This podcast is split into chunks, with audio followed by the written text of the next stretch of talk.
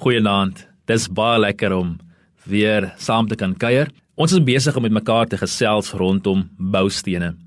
Ons kernvers is Efesiërs 2 vers 19 tot 21 waar Paulus aan ons voorhou dat ons na ons lewens moet kyk nie net as individue wat onafhanklik van mekaar staan nie, maar as mense wie se lewens gebou is op Jesus, die hoeksteen van ons geloof maar dat ons almal saam as lewende stene opgebou word tot die huis van die Here, tot die tempel van die Here, en sodat mense na ons kan kyk en mense deel van God se liefde, 'n deel van God se passie en sy hart sal kan ervaar wanneer hulle in ons teenwoordigheid is.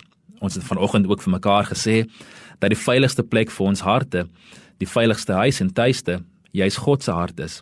En dit is my begeerte dat jy gedurende die loop van hierdie dag dit tot 'n tot 'n mate ervaar het. Een van die belangrikste boustene en ek dink sekerlik die eerste een wat ons in ons lewens moet inbou is die bousteen van disippelskap. In Lukas 14 vers 28 sê Jesus: "Wie van julle wat 'n toring wil bou, gaan nie eers sit en die koste bereken of hy die middele het om dit uit te voer nie." Een van die teenstrydighede in die Christelike lewe is hierdie hele kwessie van koste. Ons weet dat dit ons absoluut niks kos om 'n kind van die Here te word nie. Efesiërs 2 vers 8 sê uit die genade is jy gered deur die geloof en dit nie uit jouself nie, dit is 'n gawe van God, nie uit die werke nie, sodat niemand mag roem nie. En dis weet ons dat ons wedergebore word nie deur ons eie dade nie, nie deur ons eie goedheid nie, maar deur die genade van God en om daardie genade in geloof te kan ervaar en te kan aanvaar om dankie te kan sê vir die feit dat Jesus nie net vir die wêreld gesterf het nie, maar vir my en om te weet dat niks wat ek ooit kan doen sal God minder lief maak vir my of niks wat ek ooit kan doen sal sy liefde kan verdien nie. So dit kos my absoluut niks om vanaf die koninkryk van duisternis na die koninkryk van die lewe oor te beweeg nie. Dit is 'n vrye geskenk van God en dit is die goeie nuus wat ons in ons harte het.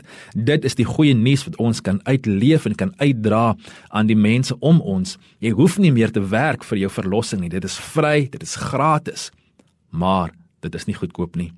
Om wedergebore te word kos ons niks, maar om 'n disipel van Jesus te wees, kos ons alles.